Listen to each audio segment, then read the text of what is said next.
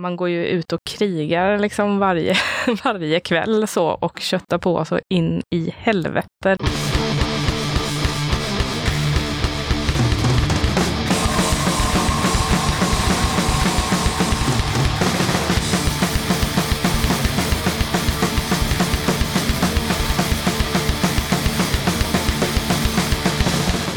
Tjena! Du ska känna dig varmt välkommen till avsnitt 162 av Döda katten Podcast. I det här avsnittet tar jag med ett snack med den sjungande sångskrivaren Stina Künstlicher. Det blev ett bra och roligt snack där vi hann med att eh, prata om Stinas platta som kom ut tidigare i år, hennes 17 år av arbete på krogen, hur hon fick STIM-stipendiet för text och en hel del annat såklart. Innan jag rullar igång snacket med Stina så blir det några inskickade tips och en hel del inskickad musik. Men först så påminner jag om att du som lyssnar på katten, du får jättegärna stötta mitt arbete med den här podden via Patreon eller genom att köpa Döda Kattens merch. All information om merch och Patreon det hittar du på poddens hemsida dödakatten.se. På tal om Patreon så är jag väldigt glad och tacksam över att katten har fått en uppdaterad och en helt ny Patreon sen sist. Först ut har vi Jonathan Bjuvefors som stöttat podden med en tia i månaden i ett år. Men häromveckan steppade Jonathan upp sitt game till 60 spänn i månaden. Jag tackar Jonathan så mycket för detta och har givetvis skickat kattens guldkit till honom som består av pin, klibbor och patch. Sen har vi hjälten Björn Olsson som hoppat med på högsta nivån, 120 kronor i månaden. Självklart har jag skickat kattens platinum kit till Björn som består av pin, klibbor, patch och en tygkasse. Jag tar av mig kepsen, ställer mig rakryggad och saluterar Jonathan och Björn och alla ni som stöttar den här podden. Ett stort varmt tack till er alla!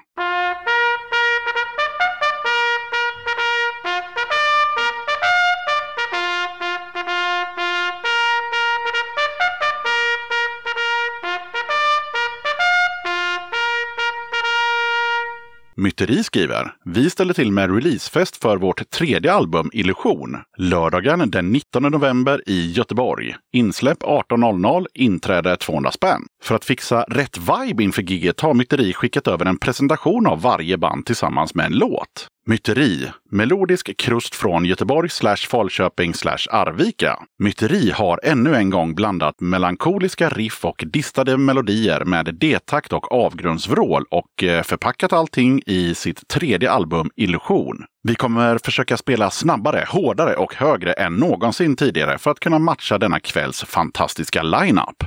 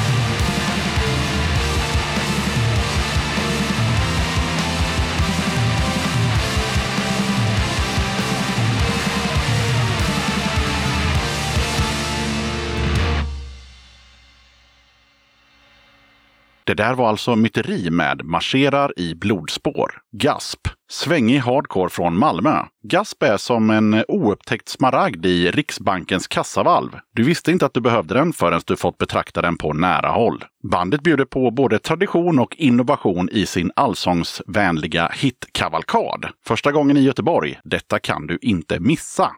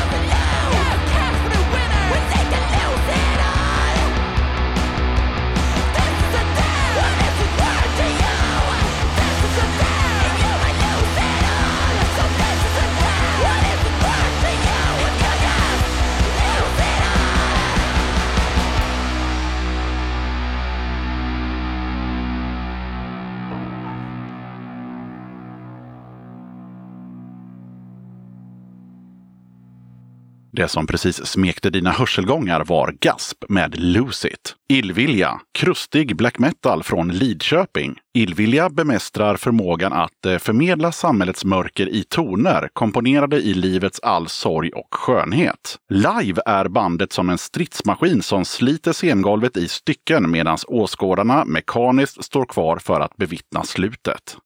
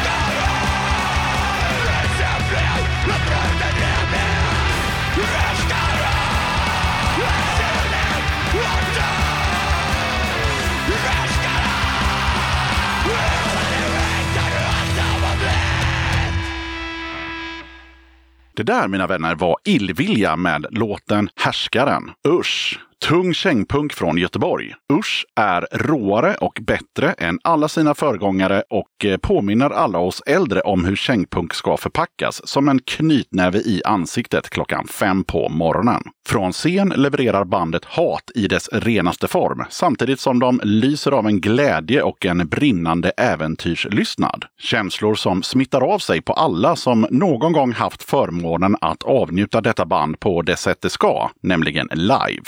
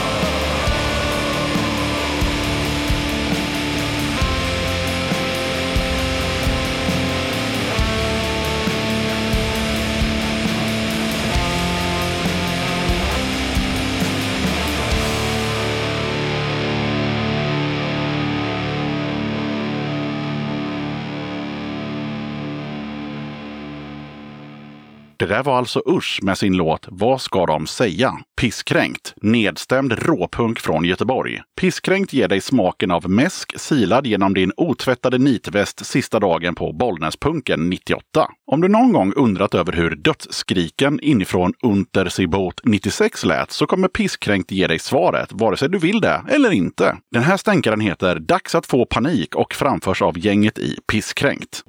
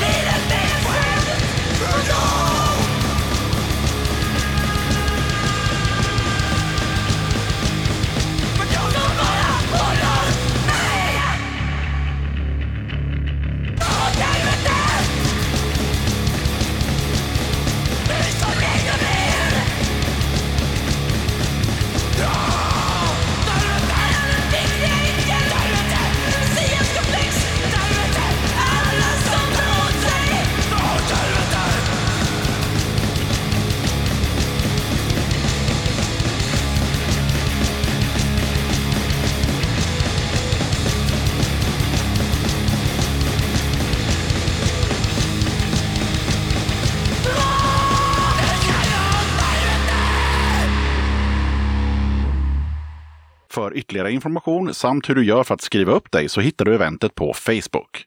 Andreas meddelar. Gubbpunkarna i Zombie Daddies slår till med releasefest för nya EPn Ahead of the Dead den 5 november på Kvarteret och Company i Örebro. Vinylerna har tyvärr inte dykt upp än, men eh, man går inte lottlös då vi som substitut har lyckats trycka upp ett gäng kassetter som kommer att finnas på plats. Så kom och ta en bärs och umgås. Fri entré och bandet går på scen runt 22.23. Rickard i projektet Danmark med CK tipsar om en ny singel. Låten 123 är första singeln från kommande EPn Petyso som släpps på Swords Productions. Fredagen den 4 november släpps 123 digitalt samt videon till låten. 123 handlar om våra första intryck av människor slash händelser. Våra second opinions skulle må bra av att komma i första hand. Kan vi tänka mer respektfullt om andra människor så skulle vårt första intryck med dess misslyckanden och följder inträffa allt mer sällan. Att texten kastas om i oordning i 123 beror på allt som vi upplever, rutiner och normer borde kastas om och ifrågasättas för att hållas levande och värdefullt. Mitt huvud är ett kaos och kaos bidrar till kreativitet. Intryck och åsikter borde ibland kastas om för att bli mer värdefulla. Singel 2, Pity So, släpps den 18 november. Det är även en video till den låten. Hela EPn släpps digitalt i december och kommer även på vinyl. Vill du pusha för kommande gig, videos, böcker, fanzines eller liknande? Då är det bara att dra ett mejl till dodakatten gmail.com. Mick Finnegan skriver. Folkrocktåget Finnegans Hell fortsätter att skena och eh, drar upp tempot ytterligare på singel nummer två från kommande plattan. Mickey Finn är en berättelse om hur illa det kan gå när någon smyger ner droger i din drink och eh, historien är baserad på en verklig händelse. Simultant med singeln är det också release för videon till Mickey Finn. Bandet fortsätter sitt samarbete med videoproducenten Mikael Ek som inte sparat på krutet denna gång. Mickey Finn är inte något för känsliga tittare.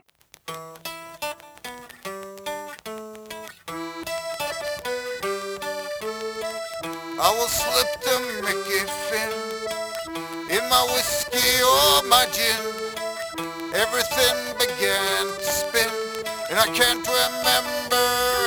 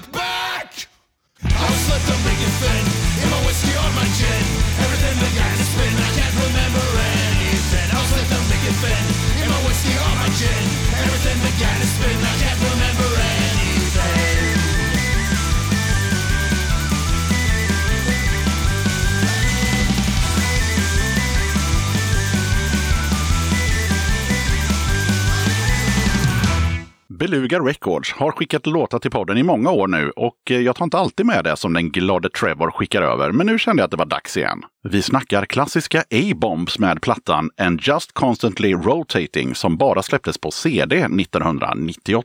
Beluga släpper den på vinyl den 4 november och eh, det sista spåret på skivan heter Step Inside och den låter så här.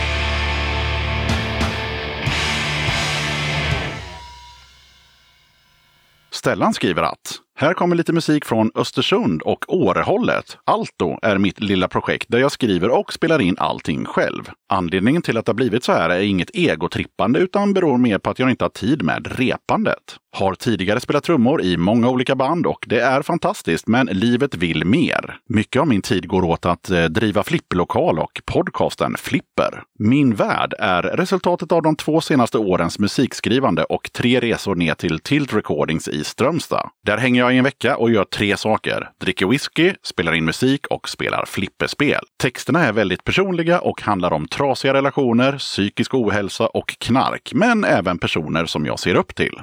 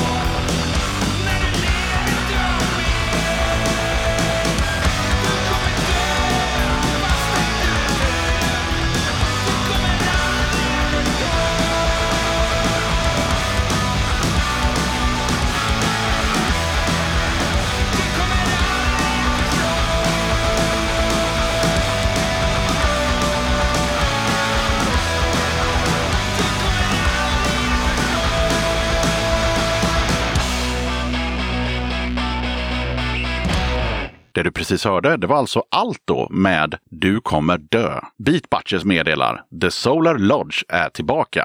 1996 släppte The Solar Lodge Fast Money Music, vilket länge såg ut att bli bandets sista release. Men nu har man gått in i studion igen och spelat in två stycken låtar som kommer att släppas under 2022. Första låten heter Elden och eh, Peter Årberg som sjunger och skriver texten berättar om dess uppkomst. Elden är en låt jag skrev redan i slutet på 80-talet. Vi gjorde den inte färdigt då och det har gnagt i mig under åren då det är en fantastisk låt. Nu kan jag släppa det och det känns så skönt. Det är en typisk The Solar Lodge-låt. Den är eh, snyggt mörk med eh, kluriga harmonier och eh, på det en melodiös refräng. Enda skillnaden mot eh, hur vi lät då är väl att den är bättre producerad med mera tyngd samt att den har en svensk text. Elden handlar om kemisk lycka och hur fel det kan gå. Den är också en påminnelse om att eh, förhållanden byggda på besatthet och droger inte har en chans att hålla. Det roliga är över när ni kommer hem till den vanliga vardagen. Då rasar luftslottet ni byggt upp och tristessen blir hundraprocentigt förstärkt på grund av kemisk ångest.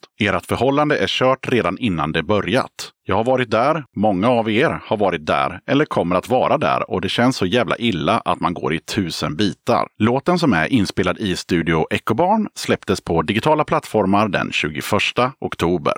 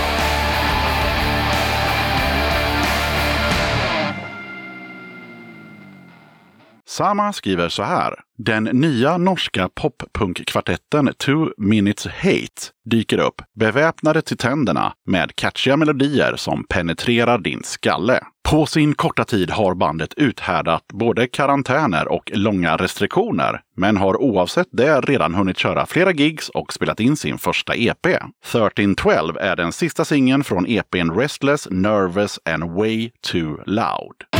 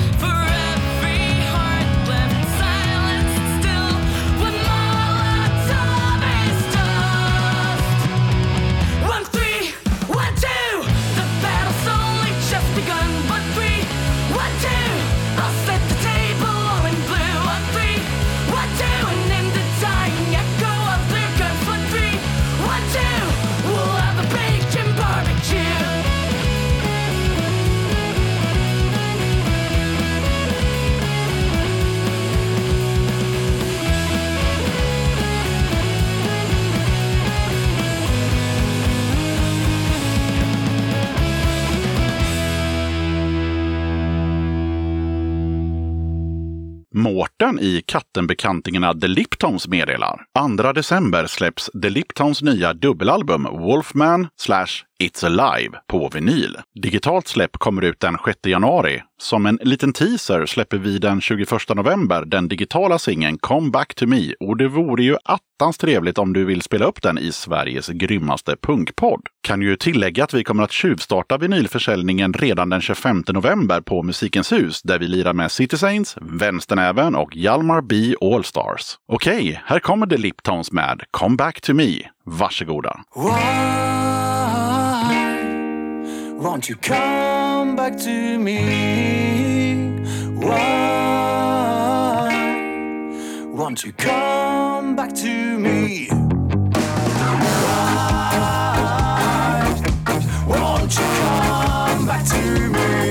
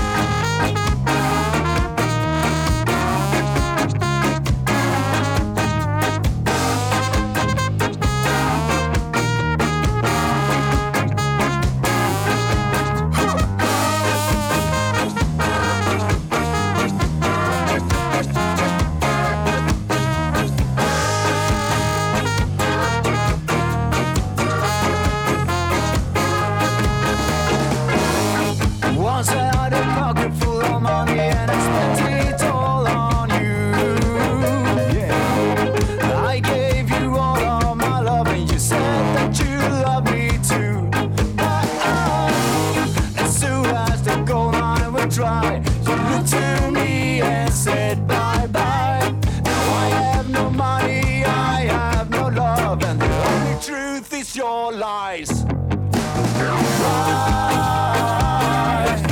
Why won't you come back to me?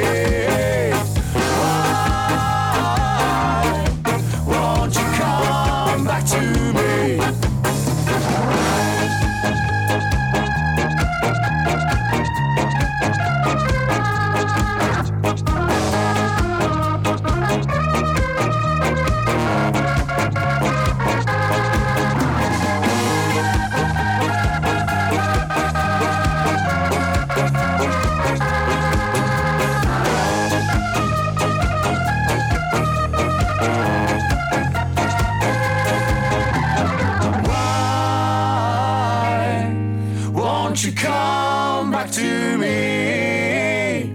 Why won't you come?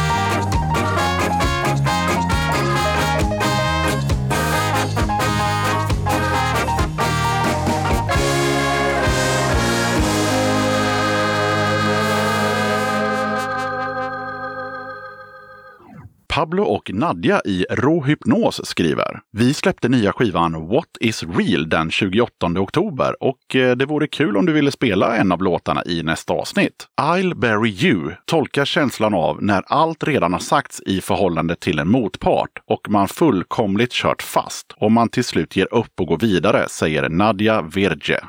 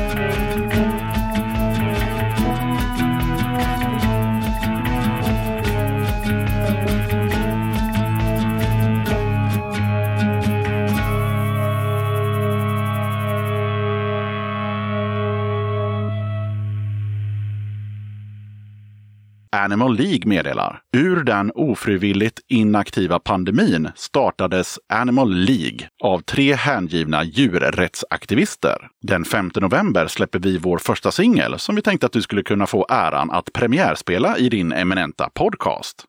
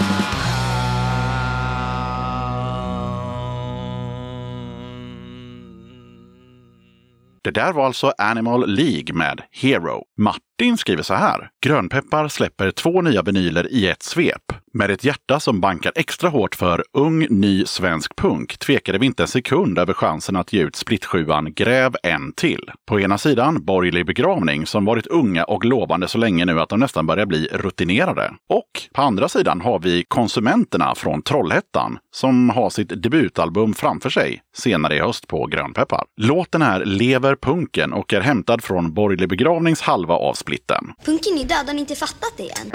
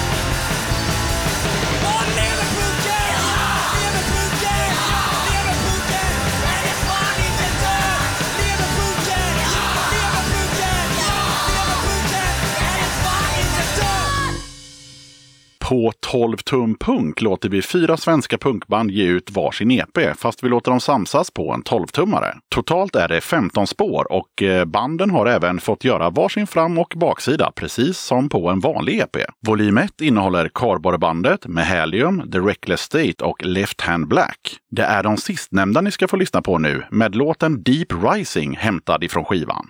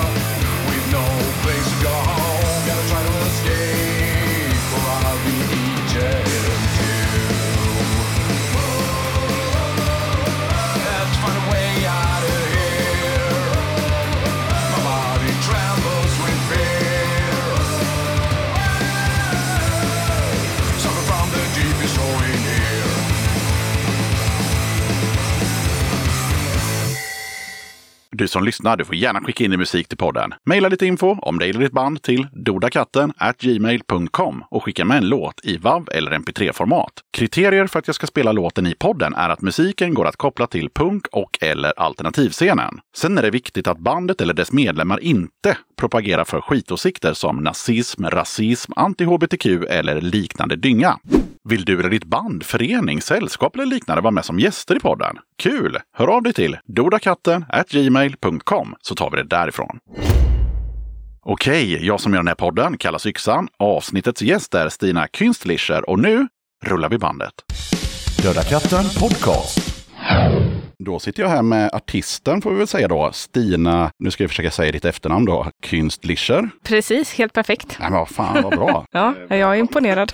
Välkommen till Döda katten podcast. Ja, tackar, tackar. Hur är läget? Jo då, det är jättebra. Det är kul att vara i Göteborg och eh, jag har precis smält i mig en sån här bizarr mjukglass där borta i, i glasskiosken Ja utanför just det, till lunch. för er som lyssnade, alltså det här är ju en replokal på Hisingen på Lindholmen eh, och på sommaren, helt apropå ingenting, så finns det en glassbar här utanför på en parkeringsplats. Liksom. Ja, en jättekonstig glassbar. Med, så att jag är mätt och eh, glad. Vad bra.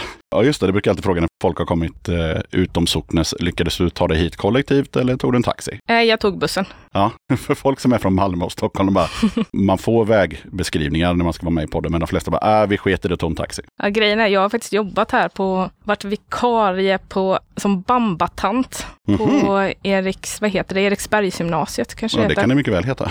Den stora skolan som ligger här i alla fall. Ja. Så jag har hängt mycket på Lindholmen. Okej, men då hade du inga problem att ta det till Hisingen helt enkelt. På tal om ditt namn, jag tänker vi river av där först. Är det taget namn eller heter du så från födseln? Vad betyder det? Det är en bra fråga vad det betyder. Det är inte taget, det är mitt, eh, liksom, mitt namn. Ja.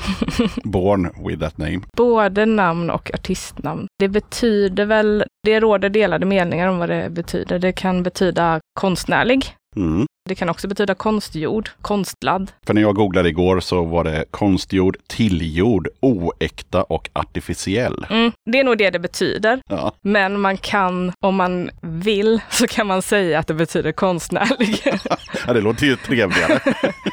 Men jag tror tyvärr att det är konstgjord det betyder. Ja, konstigt eh, efternamn egentligen. Alltså om man tänker efter. Ja, vi är inte så många som heter det. Det är bara våran släkt som heter det. Men det var ett namn som gavs till mina förfäder eller anfäder en gång under något krig Okej, i Centraleuropa. Så att det är väl ett öknamn, alltså från början. Om man det är så. det Ja, Ja, okej, okej. tror jag. Där de tvistar väl de lärda, de lärda i släkten. Men vi kan väl säga att det betyder eh, konst, eh, artificiellt konstnärlig. Kan vi Så säga. kan vi säga. vi tar lite av det goda och lite av det onda, Mm. slår ihop det. All right, när började du med musicerandet och eh, hur gick det till? Jag har alltid sjungit, tråkigt att säga, men ända sedan jag var liten i alla fall. Båda mina föräldrar har liksom ett ben i musikrörelsen och sådär. De är inte musiker, men de har alltid, vi har alltid varit runt mycket musik och mycket livemusik och så. Särskilt visa och textburen musik. Så jag har alltid gillat att sjunga. Sen vill jag ju bli då hårdrockare när jag gick på högstadiet och då startade vi vårt första band där jag skulle vara basist som hette Chuck Norris and the Toxic Avengers. Bra namn! Mycket bra namn. Så vi repade ett tag, vi hade inga spelningar. Mycket på grund av att jag inte kunde spela bas och det kan ju vara de andra kunde inte riktigt heller sina instrument så bra. Så att, eh, men eh, hellre än bra. ja, mycket hellre än bra. Men jag är, spelar egentligen gitarr. Och sen så har jag fortsatt liksom mer på visspåret då. Jag har inte varit med i fler band efter det tyvärr. Nej, okej. Och kört på med textburen musik in i kaklet sen typ gymnasiet. Textburen säger och visat du. Har det varit liksom ungefär samma stuk på det du har gjort? Även om man kan tänka sig att du kanske har blivit bättre. Ja, jo men så kan man nog, det kan man nog säga. Ja, grunden är densamma. Ja, precis. Och sen har det varit lite perioder så har jag skrivit mycket själv och sen har jag haft långa perioder när jag inte har skrivit någonting utan bara sjungit, alltså tolkat eh, till exempel Joe Hill och lite sådär. Mhm. Varit ute och spelat sådana program och politiska visor och så. Jag tänker vi slänger oss på eh, senaste plattan. Jag, hade du, du hade väl släppt någonting innan den va? Mm, jag har Ja. släppt en EP för Så många år sedan som heter Standard i en limousin. Eh, som en översättning av eh, Paul Simons låt Stranded in a limousine. Men ja, den kom 2012 så det är länge sedan. Men den eh, ligger också på Spotify. Så detta är ju släppet efter det då, som kom nu i år. Som kom nu i år ja, precis. Och den heter? Den heter En krogknegares sånger. Mm, hur kom plattan till? Alltså konceptet kom till eh, kanske sex år före plattan kom till om man säger så. Så att jag har hållit på att skriva på egentligen, tanken var att det skulle vara en live-föreställning. Liksom. Så jag har skrivit på föreställningen i fyra eller fem år i alla fall. Och sen har jag jobbat mycket med materialet efter, varit ute och testat det liksom så i olika sammanhang. Men eh, när allting liksom stängdes ner med pandemin och sånt så tänkte jag att då får, nu ska det nog ändå bli en inspelning. Och då eh, kollade jag med en tjej som heter Magda Andersson som är producent och musiker själv då, om hon ville ta sig an projektet. Men okej, så du, du skrev egentligen inte låtarna till en skiva från början då? Nej, det var, jag skrev dem till eh, en live-show, en krogshow tänkte jag mig väl. Ah, mm. Det tänker jag mig nog kanske fortfarande. Ja, ja. Men det ena utesluter ju liksom inte det andra på något sätt. Nej, nej. Men sen så har jag ju fått rensa lite. Alla låtar som jag har skrivit i föreställningen är inte riktigt med på skivan, liksom, utan det fick ju bli det som, som kändes mest stringent på något sätt. Så. Ja, för det är ju en konceptskiva. Mm. Ja. Verkligen, och det känns skitkul. Jag älskar konceptalbum.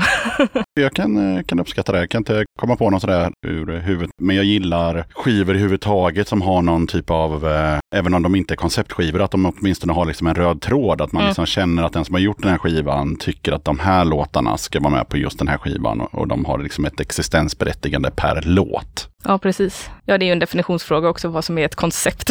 Ja, ja, fast det här är väl ändå ett koncept. En krog, knegare sånger och låtar om krogen. ja, jo. Det är väl ganska, ganska tydligt koncept. Ja, det får man lov att säga. Och då har du såklart hämtat inspiration från när du jobbade på krogen helt enkelt. Ja, precis. Jag började, jag gick hotell och restaurang på gymnasiet i Växjö för länge sedan. Och då så började jag också jobba extra i ettan eller tvåan tror jag. Så att eh, på restauranger och sen så har jag haft det liksom som heltidssysselsättning fram tills för eh, fyra, fem, ja, fem år sedan då. Mm. Så att det är ett gäng år, 17 år ungefär tror jag jag räknar ut att det är som jag har liksom dragit inspiration till eh, de här låtarna. Då blir det lite också att du sammanställde ju ändå skivan efter att du hade slutat Mm. jobba där. Liksom, så här. det var nog helt nödvändigt tror jag. Eller det hade inte gått att skriva om det när det var så liksom verkligt för en.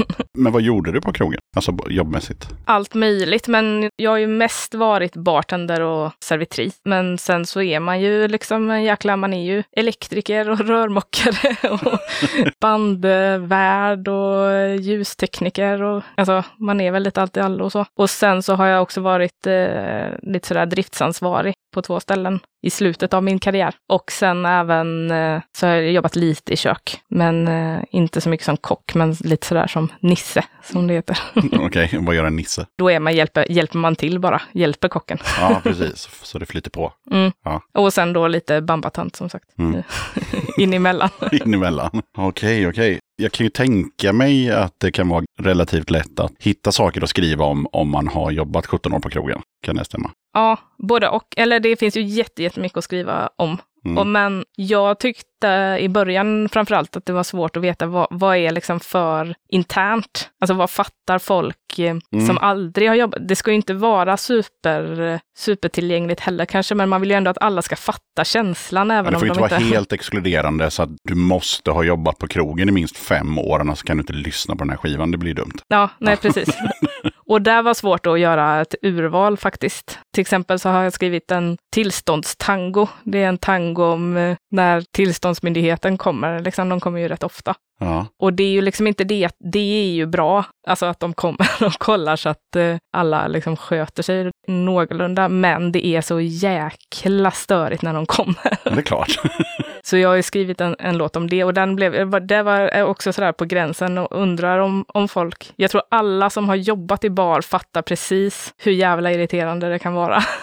Jo, fast den, den är väl lite, det beror ju på lite vad man jobbar med. Men jobbar man med någonting där det kanske är kontroller så kan man nog identifiera sig Ja. oavsett, tänker jag. Jo, men det kan man nog. Men det är där man blir lite osäker i, vissa sådana. Mm. Den spelar jag fortfarande live, men den kom inte med på skivan. Jag tänker att vi ska prata mer om skivan, men jag tänker att vi lyssnar på en låt först. Mm. Så vad har du valt som första låt i podden? Då har jag valt eh, Kai, Mm. heter den. Och det handlar om en eh, stammis som kan vara ganska säker på att han inte heter Kai. Ja, det kan vi nog anta.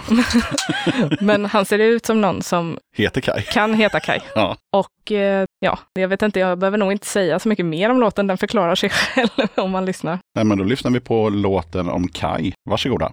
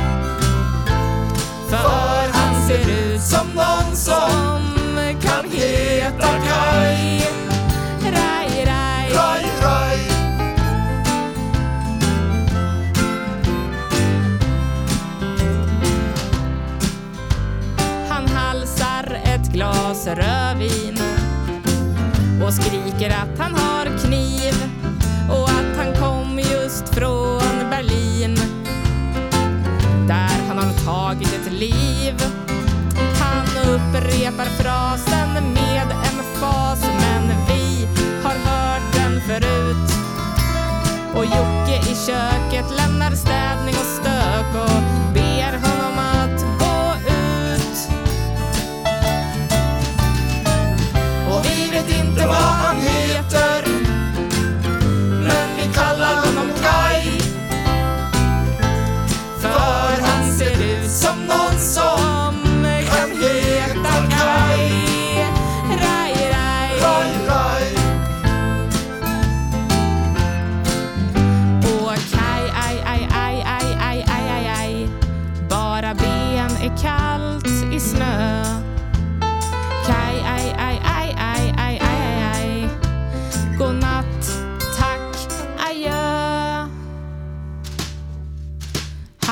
skor av ormskinnslack. Och han har skrapsår på benen. Han säger fuck you motherfuck och shortsen glittrar i grenen. Han kommer hit rätt ofta och på sista tiden har han haft cowboyhatt. Han blonderar håret någon gång om året och blir utslängd varann.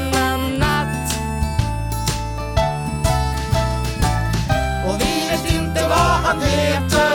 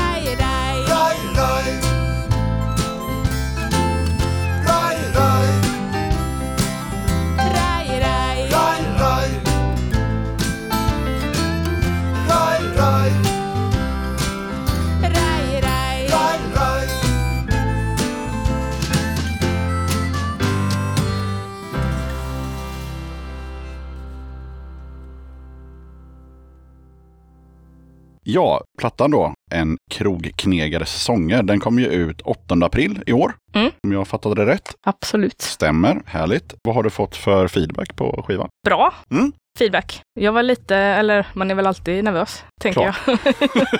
När man gör ett sånt släpp, liksom, särskilt när man har jobbat med det så, så länge. Men eh, det tycker jag, det har varit ganska mycket skriverier ändå, jämfört med vad jag liksom vågade hoppas på i, i lite olika tidningar. Och trevliga omdömen och sådär. Liksom. Så, men det känns fortfarande också som att det är rätt nytt. Alltså, jag känner fortfarande inte riktigt att jag har hunnit landa i och liksom, sam, liksom ta in allting. Nej men det fattar jag. Då kan vi säga till er som lyssnar. Vi spelade alltså in det här i, vad är det för datum idag? 8 juli va? Ja, 9 juli. 9 juli. Men ja, så det har ju gått ett tag i och för sig, sedan april, men Ja, fast inte, alltså det är tre månader. Det är inte så lång tid ändå. nej. Jag kan tänka mig att det fortfarande kan komma en och annan recension. Liksom. Mm. Så pass. Det ligger några vet jag i pipen som inte har kommit än. Ah, som okej. jag är, ser fram emot med skräckblandad förtjusning. För jag brukar nämligen göra så att jag försöker i möjligaste mån att inte läsa recensioner innan jag träffar gästen. För det blir liksom lite konstigt för mig att fråga om ja, vad du fått för mottagande och så vet jag typ att du är sågad vid fotknölarna för det jag har läst redan. Eller tvärtom. Mm. Så därför så brukar jag försöka undvika det när jag researchar. Så jag har inte läst några recensioner själv. Det som har kommit ut hittills har varit eh, bra och framförallt det som jag har varit mest glad för är att jag känner att jag har blivit förstådd.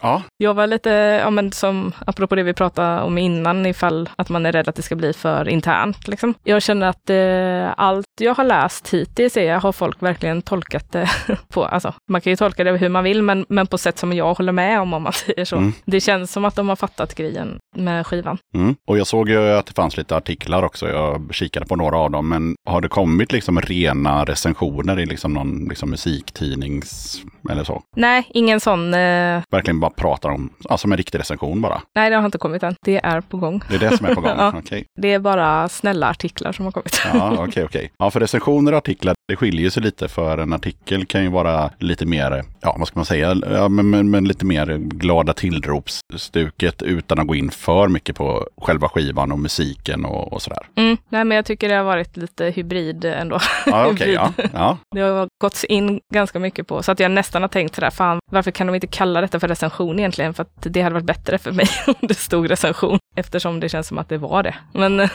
det är innehållet som räknas, tycker jag. Ja, ja, såklart. Då har du någonting att se fram emot med renodlade recensioner då. Ja, jo, jag hoppas det. Mm. Hoppas att de är lika bra.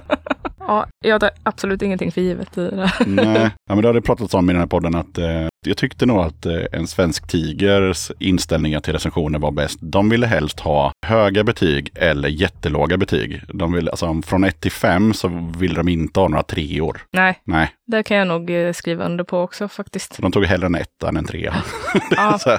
Och så berättade de faktiskt också att samma skiva fick en femma i något dagblad och en etta eller tvåa i ett annat dagblad, alltså en riktig tidning. Liksom Ja. så. Ja, och då kände de, ja men då har vi verkligen lyckats. ja, ja då har Svinbra, asdåligt, samma skiva. Ja, men då tycker man ju verkligen, eller då känner man ju någonting för det. Ja. Liksom. Det är inte bara sådär, ja men det här var väl helt okej. Treor liksom. är alltså mellanmjölk. Mm. Jag kan också tycka att treor är fegt av eh, recensenten. Mm. Sen har jag själv satt treor på saker så jag skjuter mig själv i foten lite där. Men, men man är lite mesig när man sätter en trea. För det är verkligen så här, det är ju varken eller. Mm. Ja, Ja, jag håller med. det kommer bara bli femma för dig såklart. Ja.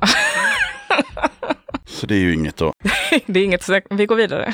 exakt, exakt. STIM-stipendium hade du fått, eh, läste jag också, Ja. i kategorin text. Ja, Ja. det var ju otroligt eh, hedrande. Ja, när var det här? Det var 2019. Det var för texter på skivan, halva skivan ungefär var det. för. Hur går det till? Så här, du har inte släppt skivan ju. Nej, då spelade jag in eh, demoversioner, bara med mig och gitarr. Och när man söker i, man kan ju söka i olika kategorier i, när man söker till STIM-stipendiet. Och när man söker i text, då, då är det inte riktigt lika viktigt hur musiken låter, säger de. Alltså, det är viktigt, de vill höra texten i sin, eh, liksom som den ska framföras, om man säger så. I, i sammanhanget. Ja, och med med melodi och så. Men man skickar också med filer med texterna. Och det är de man blir bedömd på, om man säger så. Mm. Så det var ju eh, väldigt, för, alltså man blir alltid förvånad.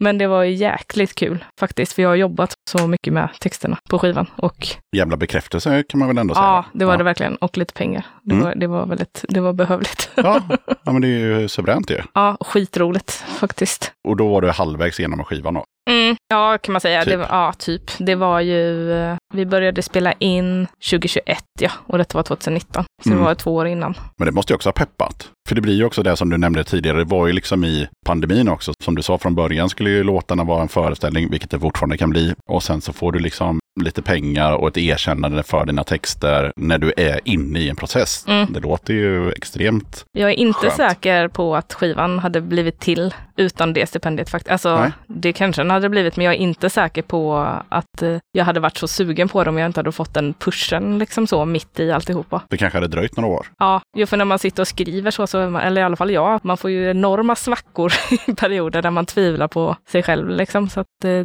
då hjälper det ju alltid med något sånt. Kul! Ja, väldigt roligt. Ja, det bara slog mig att i den här lilla genren eh, punk och alternativscenen då, som du får ju vara med i alternativscensdelen, så har det varit med olika band och artister i den här podden. Och det har ju varit flera band som har liksom så här vunnit årets punk på Manifestgalan. Du har vunnit STIM eh, för text. Har jag mer? Arne, författare författare, vann ju så här Selma-priset. Så att eh, det finns massa begåvade människor som sitter i, i en replokal på Hisingen ibland. Ja. Ja. Det är väl eh, också vet du, beröm till den här podden, att du lyckas boka in. ja, fast det är ju, jag bokar ju inte in någon för att de har vunnit ett pris. Ja, det får man ändå hoppas. Och såklart den stora frågan, hur är det egentligen att jobba på krogen? Det Det är en jättestor ja. fråga. Du har jobbat på olika krogar, jag fattar, och 17 år och allt det där. Men om du får sammanfatta det på några 5-10 minuter. Det är härligt och förjävligt på samma gång, Mm. tycker jag. Jag tror också att det är väldigt, eller jag är övertygad om att det är väldigt subjektivt, liksom. men det är ju min upplevelse. Det är skittungt och jätteslitigt, men det är också det ro, alltså det är så jäkla kul. Och det är, alltså framförallt eh, tycker jag, som jag saknar nu då när jag har liksom ändå lämnat branschen, och ha liksom den typen av kollegor och sammanhållning och att man verkligen, man går ju ut och krigar liksom varje, varje kväll så och köttar på så in i helvete liksom. Så man känner ju att man lever Ja, när man jobbar. och det tycker jag är skitkul liksom. men om man säger så här då, pros and cons. Så här, typ tre bra grejer och tre mindre bra grejer. Mm, men bra grejer är gemenskapen. Mm. Att det är så pass eh, fritt, om man säger så. Man är inte fri under tiden man jobbar, men det är ganska lätt att byta pass och man jobbar lite helger, men då är man ledig lite vardagar och alltså sådär. Ja, men det, ja. Och att man får äta och dricka jäkligt mycket goda grejer väldigt billigt. ja, det, Upptäcka ja, saker. Just det, just det. Jag är väldigt intresserad av också mat och dryck sådär, just den lite nördigare biten. Och när man jobbar så har man ju tillgång till massa coola grejer som man inte har tillgång till som civil. Så det är tre fördelar. Nackdelar är ju em, arbetstiderna, när man har kommit upp sig lite över 30-årsstrecket liksom och inte att jobba till fyra, liksom. alltså kanske börja två på eftermiddagen, sluta fyra på natten och så göra det fyra dagar i veckan kanske Mm. så är man ju, vad heter det, orkar inte det helt enkelt i längden. Och eh, att det är så fysiskt krävande, tungt, liksom sliter skitmycket på kroppen. Och man får liksom ischiasnervar i kläm och trasiga knän och sådär väldigt tidigt. Och så är det, tycker jag, lönen. Alltså lön plus villkor. Det är Mm. för jäkla dåligt. Jo, det har vi hört mycket om. Mm. Jag själv, jag ska knappt säga att jag har jobbat på krogen, men jag, i, om vi slår ihop det kanske en vecka. Eller två. Ja, plocka disk och stod lite i baren och sådär. Men, och det gjorde jag som ett extrajobb och, och för att eh, hjälpa till för att de inte hade någon personal och sådär. Mm. Men eh, jag kände också det där liksom att jag kanske inte hade riktigt så långt arbetspass, men ja, kanske började vi fyra och slutade vi två, tre. Mm. Och det räcker ju. Eller krogen stängde två, tre och sen skulle man ju hålla på och städa och hela den grejen. Så att, eh, och så kom den här liksom lönen, om vi nu ska, om man kan göra citationstecken i en podd. Men man bara så här, okej. alltså jag visste hur mycket jag skulle få, men det var inte många kronor alltså. Nej. Ja, men efter man har gjort jobbet känns det ännu mindre än vad det gjorde innan, innan man hade gjort jobbet. Ja. Liksom. Men att det är så OB, liksom. Ja, nu är det väl några kronor mer, men när jag slutade så var det 20 kronor i timmen. Det var Ja. ändå inte så länge sedan jag slutade. På liksom, och då kan du jobba lördag natt, alltså lördag mot söndag. Ja. Och, och få 20 kronor i timmen extra för det på en re, redan väldigt dålig grundlön. Liksom. Det är ju helt tokigt och vi ska inte fastna i det. Men eh, som, jag har ju hela mitt liv jobbat på kontor med olika saker. På de flesta ställen, oavsett vad de har för villkor, så är det fortfarande sådär liksom att du får ganska mycket betalt om du jobbar ja, men du vet, efter klockan sex eller efter klockan åtta. För du, normalt sett så jobbar man ju så här 9 to 5. Det är Mm. det som är, eller 8 till 5 eller hur det nu ser ut. Så jobbar du liksom efter åtta eller går in en helg och jobbar, du får ju massa pengar. Mm. Oavsett vad du har för grundlön. För att så ser det ut i de avtalen och det gör du inte i restaurangbranschen. Nej, nej. Det är ingen som bryr sig om att säga, alltså, ja, du jobbar nyårsafton eller julafton, liksom så här, gör du det på ett vanligt 7-4 jobb så får du ju massa pengar. Då kastar de ja, pengar ja, på ja, ja, ja, visst gör de det. Ja, det är ju också en stor, alltså nu då när, med det här att eh, nu när vi spelar in så är det ganska mycket snack i media om att eh, det fattas så mycket personal efter pandemin och att branschen skriker efter eh, kvalificerad arbetskraft och så. Och jag menar, det fattar man ju att folk har passat på att skola om sig, liksom sluta. Det går ju inte att leva på går, men det är svårt, och, det är svårt att leva på det och samtidigt eh, ha familj och liksom Ja, sådär, tycker jag. och just pandemin, det, det fattar man att det slog hårt mot restaurang och ja, hotell och allt sånt där liksom som eh, folk bara var vana med att det började. Men det kom alltid folk, det är konferenser och det är så här, bara, nej, nu har vi munskydd och sitter hemma liksom. Mm. Ja, det är väldigt hemskt. Men eh, ja, vi får hoppas att, eh, för jag tycker inte att det är liksom coronafritt nu. Alltså, reglerna har ju släppts, men eh, ja, till exempel nu när vi spelar in så förra helgen så var jag på Fraggle Mountain Punk Festival som var otroligt bra här i Göteborg. Men eh, då var det ju flera som eh, jag hade förväntat mig skulle vara i publiken som inte var där för de hade fått covid i Danmark på en annan festival. Nej, det känns väl som att det, det får man nog leva med nu, att det är så Ja. i några år framöver. Ja, jag tror, jag tror det. Men samtidigt, det är skönt att man kan gå på konserter igen och gå ut och, och eh, att krogen inte stänger klockan åtta och sådana dumheter. Mm. För det var, det ska vi inte heller fastna vid. Men Mörk tid. Jag var så här, ja men vänta lite nu. Om krogen stänger klockan åtta, om jag utgår från mig själv då på typ Andra Långgatan så går man ut och så dricker man öl till klockan åtta. Och så går alla hem klockan åtta. Och så är det covid och då ska man hålla avstånd. Mm, fast alla tar ju samma vagn klockan åtta. Eller ja, kvart över åtta då. Mm. Medan om krogen är öppet till två, då går ju folk hem när de går hem. Mm, Ja, mm. Någon går hem vid åtta, någon går hem vid tio och så vidare. Men ja, den grejen var ju lite konstig. Ja, det slog ju hårt mot många. Ja, Ja, det är jäkligt deppigt. ja. Vi ska inte fastna där. Vi ska inte vara på en deppig not. Mm. Men eh, okej, krogen har sina fördelar och sina nackdelar. Ja, Och på tal om det och din skiva, förstår man både för och nackdelarna på skivan eller är det bara ett massa klagande? Jag har ju hört några låtar men Jag tror faktiskt att det hade jag ändå med mig aktivt när jag skrev skivan, eller när jag satte ihop den sen, att det får inte bli, alltså det får inte bara bli det deppiga liksom, eller det arga, i, som man, det som är lätt, absolut lättast att skriva om alltså, 12 låtar wine bara. Ja, Ja. och det känns som det orkar man ju inte lyssna, ingen orkar lyssna på det ju. Och jag tror att, att, eh, och med ja, det jag har hört respons från andra, att eh, det ändå har lyckats liksom få fram med humor också, de fina bitarna med det. Och ja, men de solidar, det finns ju mycket solidariskt i att jobba så i ett arbetslag tillsammans på det sättet, liksom, i sådana riktigt stressiga situationer. Mm. Där man verkligen behöver kunna vara på tårna hela tiden. Liksom. Ja, Men jag kan tänka mig att man blir ganska så här, sammansvetsade. För du nämnde Ja. det här så att man går ut i krig. Ja. Men, ja, jag fattar. Det är ju lite så här, för det tänkte jag också mycket på, för det, i sådana här sportmetaforer och sånt så brukar man ju prata om mycket om krig och, och den typen av språkbruk. Ja, anfall liksom. och, Mm. och sånt. Ja, Ja. I, i sport, men i restaurang så har man ungefär samma lingo liksom så, för att det är mycket så attack och krig och liksom sådär försvar. Mm, mm. för att det är den känslan man har ibland när man jobbar på sådana ställen som, alltså kanske inte när man jobbar på pub liksom, men när man jobbar på uteställen, nattklubb liksom, och sånt, där det kan vara, bli sånt jäkla tryck liksom. Då är det ju den känslan som infinner sig ibland och det språket som man använder mellan varandra liksom så. Ja. Man kanske inte går ut i krig liksom, på lokalkrogen när man står och tappar upp en Pripps lite då och då. Nej, Nej. nej. det beror det är lite så situationsbetingat ändå. Eller platsbetingat, vilket språk man använder. Men jag har jobbat eh, ändå ett gäng år på större ställen, liksom, som väldigt välbesökta uteställen. Och det vill jag liksom också få in i skivan, att eh, det finns lite från sådana här eh, bykrogar med spelapparat i hörnet. Liksom. Men det finns också lite, några låtar från eh, som är mer så fullt jäkla ställ. Liksom. Men är det så att man hör the highs and lows i låtarna eller är det så att vissa låtar är lite mer av positiv karaktär och vissa är lite mer negativ karaktär? Mm, det är nog mer så, Mm. att eh, det är per låt. Ja, det är per låt.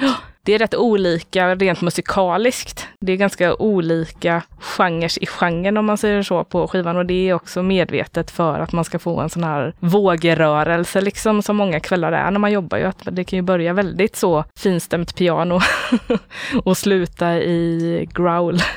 Ja, det kan också börja med att säga, fan det kommer nog inte komma en käft. Nu är klockan ändå sju och det är åtta pers här. Mm. Och så säger det bara pang och så väller in så här 50 studenter. Mm. Och det, jag ville liksom på något sätt få in det på skivan eftersom det är ett konceptalbum, att man lyssnar på det som ett album. Om man gör det så ska man få den känslan av att eh, det är väldigt olika sinnesstämningar liksom, mellan låtarna och mellan rummen man är. Alltså, det är en låt som är i ett diskrum. Där är det ju lite annan känsla än om man står mitt ute i baren liksom, till exempel. Såklart. Har du hunnit eh, spela någonting på skivan? Live? Eh, nej, det har Nej. jag inte. Ingenting? nej. jo, jo, jag har haft eh, release-spelning Mm. i Umeå. Den är inspelad i Umeå, där min producent bor och hela bandet, eller alla musiker som är med. Så vi gjorde en skitrolig eh, release-spelning där som vi livestreamade ut i hela landet genom Facebook. Det var skitkul. Så att vi hade ingen publik framför oss. Nej, just det. Okej. ja. Men det blev väldigt eh, spännande studio, studiokonsert. Mm. Men det är enda spelningen medvetet faktiskt lite för att ja, jag kände efteråt att så här, antingen så vill jag ha lite spelningar som låter som det låter på skivan, alltså med hela bandet. Och det har jag inte hunnit dra igång än, för det, då är det nästan antingen får man vara i Norrland eller så får man liksom dra ner alla hit eh, eller till södra Sverige. Det blir skitdyrt liksom. Jag har inte riktigt kommit på hur jag ska lösa, lösa det. Men till hösten så tänker jag att jag får ta mig samman och spela lite ensam på det. Liksom, om du förstår vad jag menar. Mm. Jag kan ju ta mig fram med gitarren. Ja, ja, ja. Det är mer bara nu så har jag varit så glad över att eh, skivan, att jag är så nöjd med hur det låter liksom. Alltså du vill helst spela med bandet? Ja, liksom. jag vill att det alltid ska låta så just nu. Ja, men då får vi väl hoppas att det är någon arrangör eller så som eh, vågar ta den kostnaden. För jag fattar ju själv att så här, man kan ju inte flyga ner eller tåga ner massa folk från Norrland till eh, en spelning för 200 pers i Helsingborg. Det kan bli lite... Nej, det blir, Svårt. ja, inte i en handvändning i alla fall. Nej, Men eh, jag är fortfarande liksom på gång med att klura lite på det där, hur jag ska lösa det. Ja, och den här podden kommer ju som sagt vara ut någon gång i oktober, så då kanske det har eh, kommit lite längre i planeringen i alla fall. Ja, då har vi facit i hand. Mm.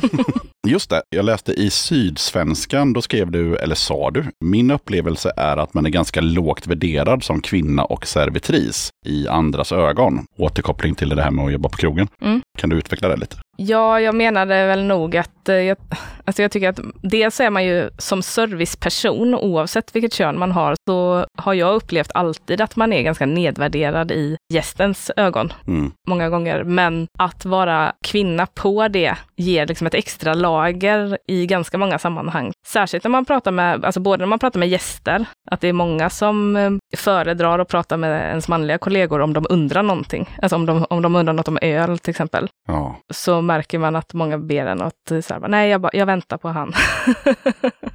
ja, Ja, man, blir, man blir förbannad bara man tänker på det. Man bara så här, men det är inte 1910, men i vissa jävla huvuden så är det tydligen så. det är något så här. Jag vet ju ändå vad en IPA är.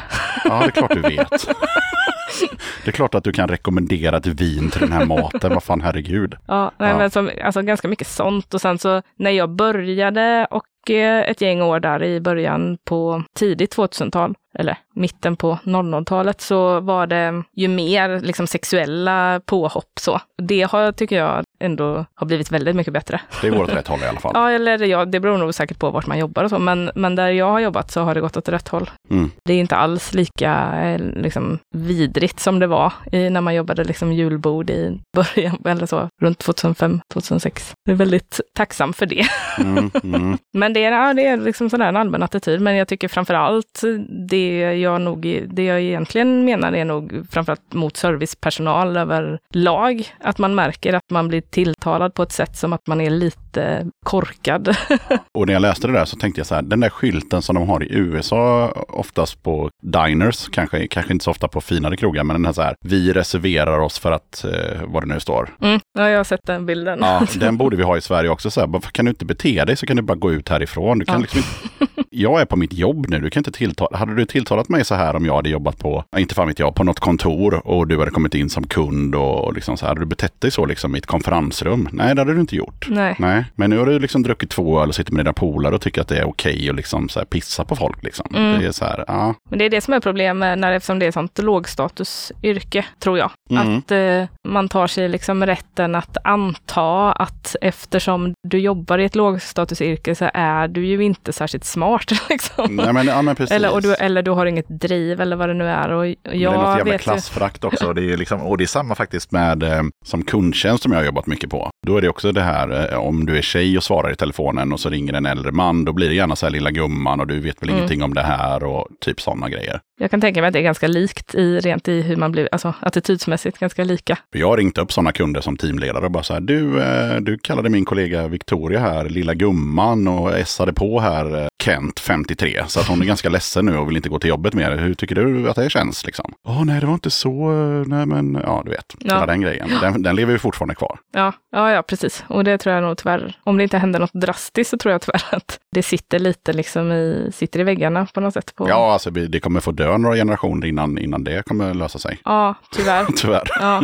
nej, för det vet du, när man jobbar också, det, det är en av de grejerna jag är, mest tacksam över att jag valde den liksom, yrkesbanan. Att jäkla vad mycket roliga och smarta personer man liksom, träffar genom åren och liksom, har som kollegor och liksom, som jobbar på andra ställen kanske. Och så där. Man får en jäkla insikt i hur fina människor som finns. Liksom. Mm. Och det blir ju som ett vaccin då också i, i, gentemot andra branscher, att man inte, att man skulle aldrig få för sig att se ner på någon som kör buss eller gör någonting annat, sånt som räknas som liksom, ja, icke-akademiska yrken. Liksom, och sådär. En sista fråga om krogen av ren nyfikenhet är så här, dricks och eh, att vi typ bara betalar med kort nu för tiden. Hur blev det? Det blev inte så bra. Nej, jag menar det. Eh, det blev skitdåligt. Ja, I början när jag jobbade, jag började ju jobba heltid då 2005. Då var det ju såklart att folk, då betalade ju fler med kontanter så att det blev ju mer kontantdricks. Men det var ju ändå mycket kortbetalning redan då. Men då hade man ju, om du kommer ihåg de här slipparna man skrev på, mm. det var det ju alltid att man undertecknade, all, alla undertecknade ju alla köp och där kunde man ju skriva till extra. japp. Och det var ändå ganska många som gjorde det. Och när det försvann, Så det bara blev rent blippande bara. Ja, och det här att man ska knappa in istället. Så då försvann, eh, min upplevelse i alla fall är att eh, då försvann nästan allting. Liksom. Mm. All eh, dricks. Men det där är ju en infekterad fråga. Alltså, jag har hamnat i många diskussioner med folk som aldrig har jobbat restaurang som verkligen är upprörda över varför ska man betala dricks? Varför ska jag betala dricks? Liksom. Ibland är det lite svårt att hitta liksom bra argument. Om, Alltså det finns ett superenkelt argument. Det är så här typ, jag sliter röven av mig och har jättedålig lön. Och tyckte du att jag gjorde ett bra jobb så kan du ge mig lite dricks. Och det är liksom att i Sverige så har vi inte den kulturen. Men har du någonsin varit i något annat land, ett vanligt charterland, så har du betalat dricks. Mm. Har du varit i USA så har du betalat dricks och du fattar varför och hur mycket och, och hela den grejen. Liksom. Ja. Det är också en markör i länder där det är praxis att man har dricks. Att så här, fick du ingen dricks, alltså inte en spänn, då tyckte inte de att du var särskilt trevlig. Nej, nej, Nej. då är det väldigt tydligt. Liksom. Ja, Nej, det där eh, det argumentet det är ju det man drar, liksom, men det biter inte på alla. Eller, Nej. och då hamnar man nästan vid någon slags mur. det går inte att... Nähä? Men fattar du inte? Vi ska ju absolut inte fastna i dricksgrejen, men jag kan tycka att den är, mm, ja, men jag tycker den är intressant. Jag dricksar ju ganska lite i Sverige, men ja, rundar av i och med att jag betalar med kort då. Mm. Och rundar av lite högre om det varit eh, bra service, såklart. Det är lite krångligare nu då. Innan så var det ju skattefritt ju. Mm. Eh, nu är det ju inte det längre. Mm. Och då är det lite krångligare, för nu gör, tror jag, alltså ställen väldigt olika. Vissa gör ju att arbetsgivaren tar in all dricks och sen slår ut och, och lägger det skattat på lönen till... Aha. Annars ska man ju själv ta upp det i sin deklaration ju. Jag fick sedlar i ett glas det stod mitt namn på. Ja, men, jo, men så, så har vi ju alltid gjort det innan. Men nu finns det ju inte ens liksom kontantkassor. Då är det svårt att plocka ut några sedlar. Ja. Liksom. Så nu, eh, sista åren jag jobbade så fick man ändå det insatt på kontot för att eh, det gick inte att ta ut det någonstans från. Eller så. Nej, nej, nej, nej, nej, nej, jag fattar. Men de klassiska glasen när det står sådana här eh, 10 ölglas Ja. med 20-lappar, som, Jajamän. de saknar man ju ändå lite på något sätt. Ja, absolut. Jag tänker att nu är det hög tid att smälla på en låt till, så vad har du valt som låt nummer två? Ja, då är det passande nog eh, krogen Kriget. Ah, det känns ju lämpligt. Ja. ja. Vad kan vi säga, eller är den också helt självförklarande när man lyssnar på den? Ganska. Den handlar om eh, ungefär om det som vi pratade om innan, det här med krigsmetaforerna, när det är sånt fullt jäkla blås. Liksom, jag ville göra en låt som beskrev det, plus det här att det är vi mot dem-känslan. Liksom. Och eh, det tror jag framgår. Ja, men härligt. Vi smäller på den. Varsågoda.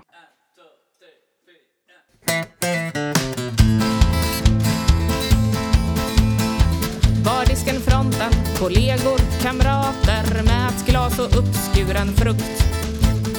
Ordning och reda på vår sida baren. Kylarna fyllda till gränsen med flaskor för oss att försvara oss med.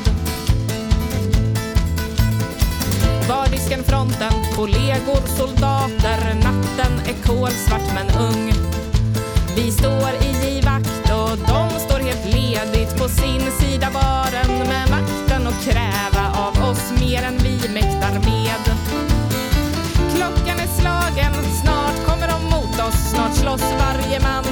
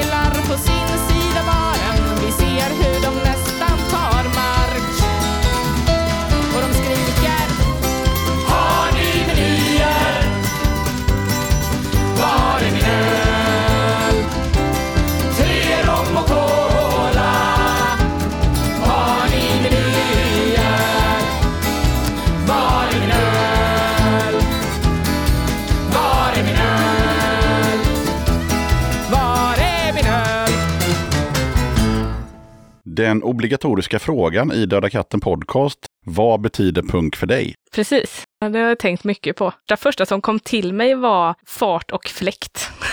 Men eh, det jag menar är nog liksom liv. För punk för mig betyder, alltså jag är väldigt svårt att tänka mig något så här väldigt långsamt och själlöst och oengagerat punk. Nu är inte jag så insatt i, i genren, men jag har ju ändå lyssnat min beskärda del.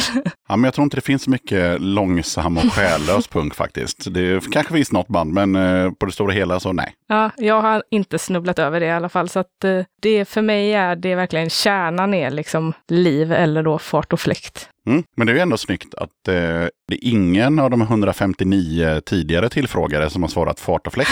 Så det är ju ändå hatten av. Det är alltid, alltid något. Också en klassisk fråga. Tre band eller artister som är dina största inspirationskällor när det kommer till att skapa din musik. Mm, det är ju, eh, alltså Nick Cave har varit en jättestor inspirationskälla för mig rent textmässigt. Liksom. När jag upptäckte honom eh, när jag var typ runt 20. Sen kunde inte jag skriva någonting på sex år. Typ. Mhm. Jag fick sån jäkla skrivkramp. Det var verkligen så här, oj, det här är ju så det ska vara. när jag lyssnade särskilt på Henry Stream-skivan och lyssnat sönder och samman och textanalyserat och bara sådär. Det finns ingen anledning för mig att skriva någonting när det här redan är, är sagt liksom. På det sättet jag vill säga det. Och hur gammal var du då? det var jag typ 20. Ja, man kanske inte ska jämföra sig med Nick Cave när man är 20.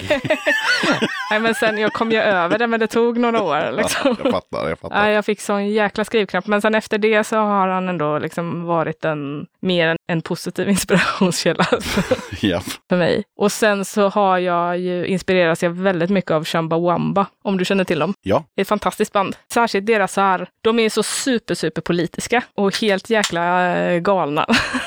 och fantastiska liksom. Men, men att de gör, de har ett sånt budskap och så gör de det så, alltså de klär in det i sådana fantastiskt konstiga musikdräkter liksom. Och det tycker jag är skitinspirerande. Det har jag liksom också försökt ha med mig nu senaste åren i bakhuvudet. Att så här, ja, men man kan tänka så här. Liksom. Man kan göra eurodisco av och då måste vi ju flika in för de som lyssnar så bara, vadå? Det är inte de som har gjort den där I get knocked down? Bara, thump thumping. ja, thump humpen. Jo, det är det.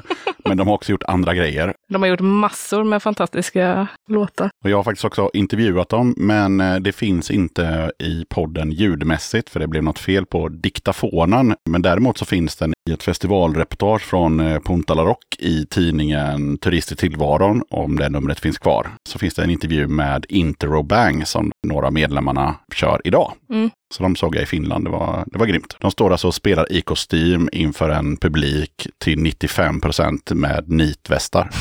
Det är ju talande. Ja, ja men det var, det var roliga grabbar. Och jag visste inte ens att det var de som var med, utan vi bara började snacka med dem. Bara så här, men kan vi ta en intervju? Och så, bara, så berättade de bara, ja, vi hade ett band innan, de hette... Jaha, de ja. Han bara, ja, men vi var ett anarkistiskt kollektiv och så vidare. Och man bara, what? Ja, Nej, de är ju råpolitiska, men, Mm. men eh, ja, jag tycker det är så intelligent, alltså det är så jäkla smart att våga göra så som de har gjort. Liksom, de har ju släppt skitmycket skivor och alla låter ju helt annorlunda. Alltså det är olika genrer på varenda skiva. Liksom, sådär. Någon någon är ju så singer-songwriter, någon är ju mer så här körverk från eh, 1100-talet eller vad det är, med typ eh, gammelengelska politiska visor i. Ja, det är väldigt, väldigt märkligt, men det är skitbra liksom. Jag menar att jag blir inspirerad, inte som att jag låter som dem, Nej, men eh, nu pratar Men, vi om inspiration. ja. Liksom, så att, tanken, alltså, så att man kan tänka så liksom med musik och eh, text. mm. Jag är väldigt textnördig, för jag kopplar ju nästan allting till det. Liksom. Och sen tredje, det finns ju jättemycket. Jag måste ju nästan säga någon sån här gammal stöt, känner jag. Dra en gammal stöt. ja, men typ Dan Berglund eh, till exempel, eller Cornelis, eller Mm. vem du vill egentligen. Det är ju en Någon i hel det skrået. tradition, den här svenska vistraditionen, som, men som också skriver liksom arbetarkultur, eh, alltså arbetarkulturella visor, liksom sådär på något sätt. Mm. Också politiskt. Det är ju en stor tradition liksom ändå som vi har. Så det är nog tre starka. Mm. Ja, och som vi har eh, konstaterat så jobbar du ju inte på krogen längre. Så då undrar jag ju såklart, om du ska släppa någon mer platta, blir det också en konceptplatta om vad du jobbar nu? Eller blir det, det blir liksom... det inte. Det blir det inte, okej då har vi sagt nej på den. Utan då blir det liksom bara en platta helt enkelt. Ja, det får vi väl se. Det finns, alltså, det finns fler eh, berättelser från krogen ännu icke besjungna, om man säger så. Alltså, det blir ju inte en tvåa. Det blir inte en krogknegare sånger två. Men det kanske blir, ja, det blir nog mer en platta. Jag är inte så himla mycket för det här att skriva. Jag, jag tycker inte att det är så kul att skriva, du vet, vardagsbetraktelser, mer så här, du vet, sånt man känner eller att man är på en äng och ser ett moln. Nej, det kan man... Nej, eller så. Eller Eller så. är på Konsum och handlar. Alltså sådär. Nej, Jag, det är mer Torsan som håller på med sånt. Ja, ja, exakt. Och det gör de med den äran. Ja, ja. Men eh, jag tycker inte att det är så kul, så att jag får nog hitta något annat tema att binda upp mig på, liksom, som jag känner tycker är, är viktigt. Liksom. Men du tänker ändå att om du ska släppa en platta till, att den också ska ha liksom en, ett koncept eller en röd tråd, en, liksom att den ska vara som en skiva som hänger ihop. Ah, det vet jag inte, men, Nej. men eh, låtarna måste i alla fall eh, inom sig, själva ha ett, ett tema som känns intressant. Liksom, sådär. Och det finns ju mycket att ta av. Ja, men då får vi se hur det blir med den eventuella, eller förhoppningsvis kommande skivan om några år eller så. Ja, jag får liksom, nu måste jag smälta det här Ja, först. du har ju fullt upp med det här såklart.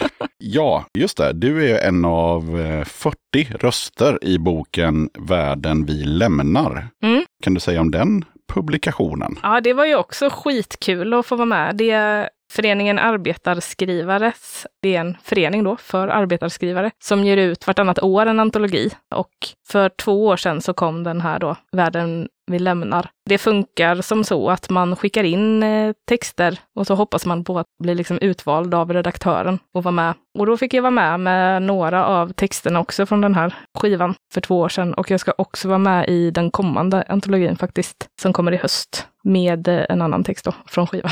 Mm, mm, mm. Det är ett tips, då kan man spana in dem. Det här blir den 13 tror jag som kommer nu, så det där var den 12.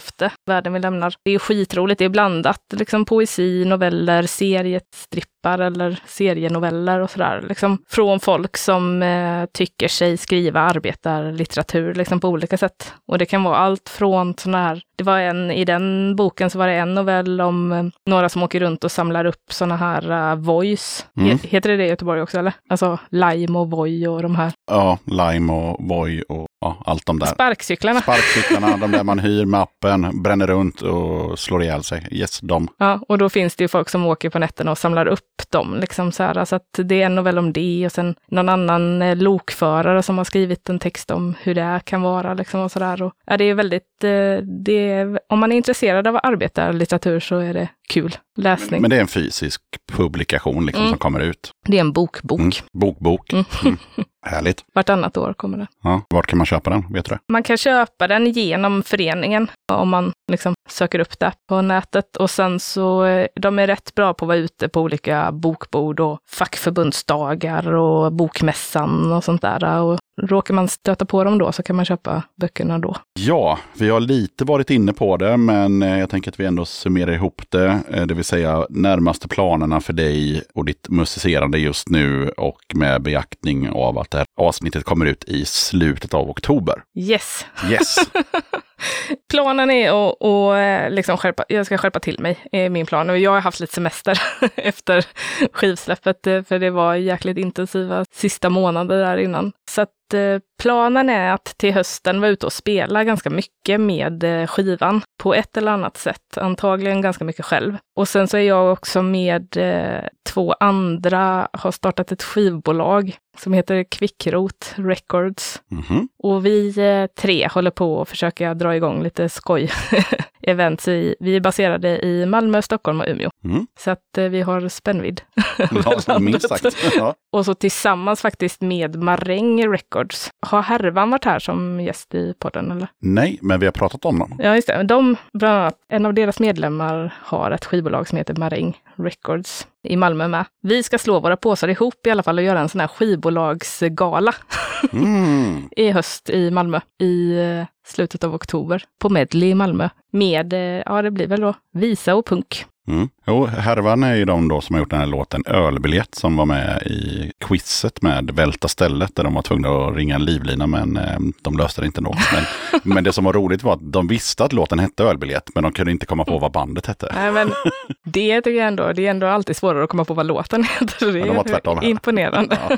Vi ska ju höra en tredje låt också i slutet av podden. Vad kommer vi få höra då? Då blir eh, det till att höra Svämpa, Mm. som är skivans powerballad, ah. kan man säga. snyggt att sluta podden med en ballad. Ja, Mm. jag stod och vägde lite vad det skulle bli som avslutning, men den, den tror jag passar bra. Mm. Och det handlar om en kock som jag jobbade tillsammans med väldigt tidigt i min karriär i en liten ort mitt i en stor skog, Mm. väldigt långt från havet. Okej. Och det, mm, den behöver man inte heller liksom förklara mer än så. Nej, jag. det är en kock i en skog. Det, ja, exakt. Det var nästan lite gyllene tider med kock i Jag en sitter skog. med en kock på en sten i en skog. Exakt. Det, vad heter det, är precis så det är. Ja, men då smäller vi av den på slutet. Nu har du ju redan pushat för lite grejer, men har du något mer du vill pusha för? Jag har pushat för det jag hade tänkt pusha för, nämligen föreningen Arbetarskrivare, om man tycker att det är kul med folk som eh, skriver om jobb. Mm. Eller om man själv skriver om jobb. För man kan ju vara med själv liksom. Ja, precis. Ja, men det är ju en klockren push innan pushdelen, så ja, absolut. Ja, och det är ett eh, väldigt kul sammanhang att vara i tycker jag. Eller så. Väldigt peppigt sammanhang. Ja. Peppigt, peppigt. Peppiga arbetarskrivare. Det var det jag hade liksom förberett mig för att Då bara lyfter vi det igen så Ja. att det blir dubbelpushat. dubbelpush. Yes, yes. Ja, det brukar jag alltid fråga. Känner du att vi har glömt att prata om något? Jag tycker det har varit eh, uttömmande. Jag visste inte riktigt vad vi skulle prata om när jag kom hit. Eh, Men vi har ju pratat mycket om restauranger Ja, och mycket om skivan. Och det känns skitkul. ja perfekt ju. Ja. All right, då är det dags för quiz och ehm, innan vi eh, kom tillbaka till inspelningen så berättade Stina att hon var lite nervös för quizen. Jajamän, Ja. otroligt nervös. Men eh, jag väljer att se det som ett roligt experiment. Ja, du är ju själv som gäst idag, så du har ingen att tävla emot, utan du tävlar mot dig själv. Mm. Du kommer föra sju låtar Mm. och eh, jag tycker att du borde åtminstone skrapa ihop en 4-5 poäng för att få pris. Du kan ju ta två poäng per låt, så totalt skulle du kunna få 14 om du nailar allt. Just det. Ja, men det låter ju helt rimligt. Japp. Ja, men vad bra, men då smäller vi på första låten och kollar hur den flyger. Det är inte särskilt synd om mig, jag har det Ja, ganska det här är ju Maud Lindström. Jajamän. Fröken Normal. Ja, två poäng. Är det det man ska säga? Eller man ska säga, man behöver inte säga skiva? va? Nej, nej. Nej, nej, det är bra. Det var i och för sig lite synd att svara så snabbt, för det är en skitbra låt.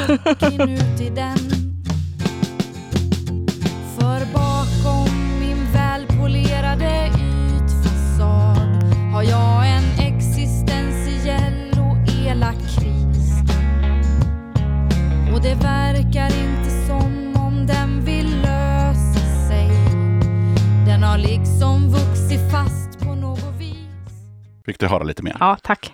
Nej, Det är en skitbra låt och skitbra artist. Mm, men snyggt. Jag tar fram blocket här och sätter två streck Ja, på jag Stina. tycker att du ska notera. Ja, så där får vi se om det blir lika lätt på nästa då.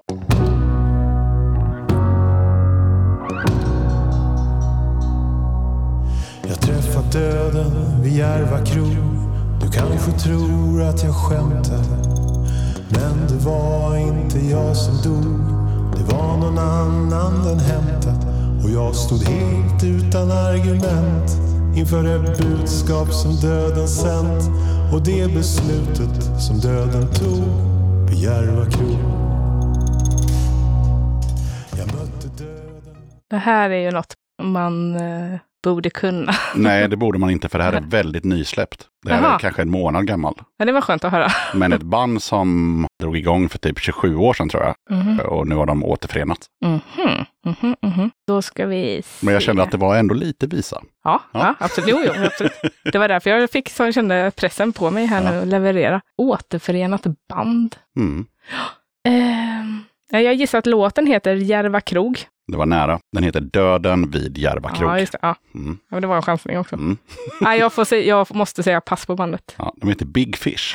Oj då. Ja, Mm. ja det, var, det hade jag aldrig kommit på. Nej. Sådär. Men det var ju Men du har hört talas om dem? Ja, absolut. Ja, mm. Det var kul. Och den eh, finns en video på den här också på Youtube att kika på. Vi går vidare.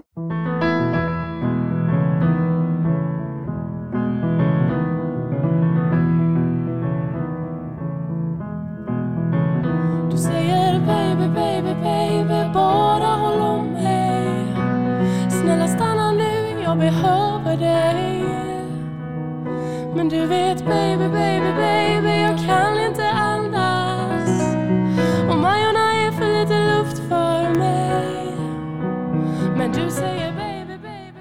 Det här är något från Göteborg. Mm. det är det. Det hör jag direkt. Ja. nu vill jag använda min livlina. Är det så? Ja, jo, jag tänker att eh, det är lika bra att köra på, köra in han här. Ja, i och med att här har du ju liksom inte ens en gissning. Så Nej, då, det ja. har jag inte. Jag tycker att jag känner igen det. Jag tycker det lät skitbra. Men eh, ja, det är inget nytt band och det är ingen ny låt. nej, nej, nej, nej, precis. Men det är roligare att ta livlina än att säga pass. Ja, ja, ja, absolut. Hallå, hallå. Hallå! Hej, hej. Hej, hur går det? Jo, det går bra och jag sitter i skiten. Oh, no, men det, det brukar väl vara svårt som fan, så att, eh, det är nog inga, inga konstigheter. Nej, nej, precis. Jag har två poäng hittills här. Ja, men det låter ju bra i så fall. Första låten tog Stina här direkt, både artist och eh, titel. Och sen var det halvbra gissning på tvåan. Men här är det helt tomt. Ingen gissning på någonting. Oj, okej. Inga ledtrådar eller? Nej, absolut inte. Eller ja, hon har listat ut det själv. att ledtråden är att det är från Göteborg. Ja, det är från Göteborg, Okej, så att det, ja. ja, jag har ingen aning om ifall du kan detta, men jag tänker det är en bra chansning att ringa. Okej, ja, vi får se. Innan vi kör låten, vem är det vi pratar med? Eh, Oskar. Oskar. Hej Oskar. Hej. Då Oskar ska du få höra låten så får vi se om du kan den. Är du beredd? ja.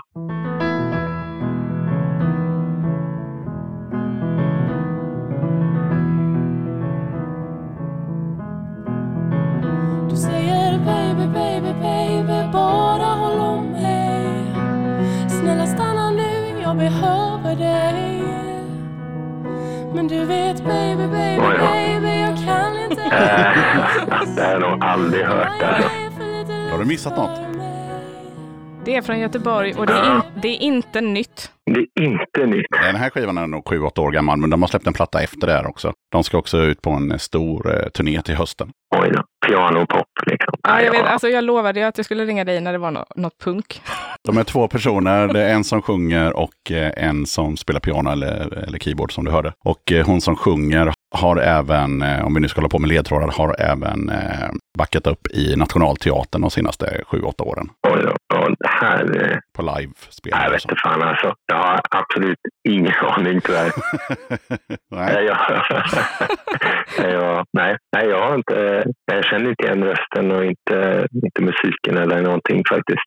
Just den här låten har också varit med i Musikhjälpen eh, live då när den kom. Men skitsamma, de heter, de heter Steget och Ja, låten heter Baby, Baby, Baby. Då får vi skämmas. Okej. Men Oskar, Ja, var ett, ingen skugga ska falla på dig. Nej, det var Stina som tyckte det var bättre att ringa en livlina än- än att säga pass. ja, det är ju det. De här supersvåra quizen, det är, det är inte så konstigt. Det går. Men, men lycka till Stina. Ja, tack. Vi hörs eh, sen.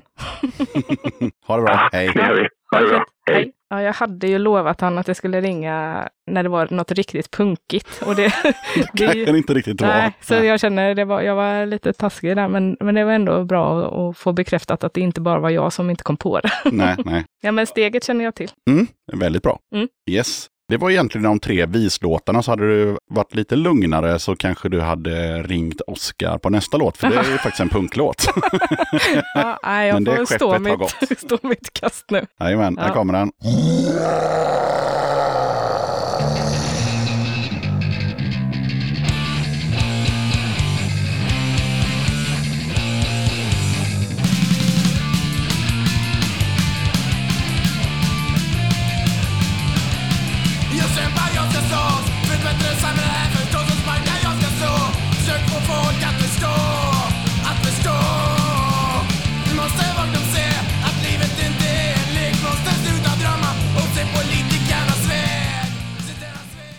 Ja, det känner jag igen. Ledtråd är ju sent 80-tal, tidigt 90-tal. Ja, det är nästan lite det jag tänkte. 87, 88 kanske. Ja. Ja. Jag kommer kasta mig ut så kommer det alla skratta som lyssnar. Men jag tänker liksom på typ så strebers. En poäng till Stina. Var det det? Jajamän. Jävlar. Ja. ja, ibland ska man våga chansa. Visst var det Strebers? Ja, ingen gissning på låten. Nej, den heter Ung och arg. Det hörde man nästan. Ja men snyggt, tre poäng hittills. Och tre låtar kvar. Mm. Mm. Nu jävlar får man skärpa till sig. Jajamän.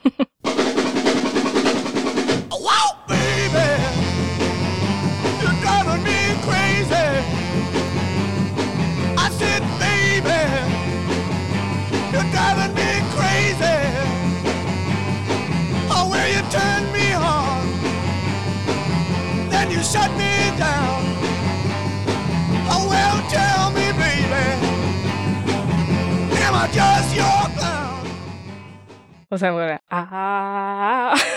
Nej, sen säger han vad låten heter. ja, ja, just det. Ja, vad fan heter den då? Det här är nästan ännu jobbigare än någonting annat. Det är ju 60-tal och det Ja. som många brukar säga att det här var ju punk innan punk ens fanns. Precis. Ja, men jag har hört den eh, tusen gånger. Mm. Mm, mm, mm, mm. Nej, pass. De heter The Sonics. Ja, just det. Och låten heter Psycho, för det var precis det han skulle säga där när det. tonades ner. Psycho! Pam, pam, pam, pam, Ja. pam, pam, pam. Japp. Ja, nej. Nej, nu kommer ju curveballen och den här gången är den ju extremt eh, tokig. Det är alltså inget jävla Drängan och Eddie Meduza, utan nu är vi i eh, USA med, du kan få ledtråden att här tänkte någon nog lite fel. Ja. Too much to drink. Too much to drink.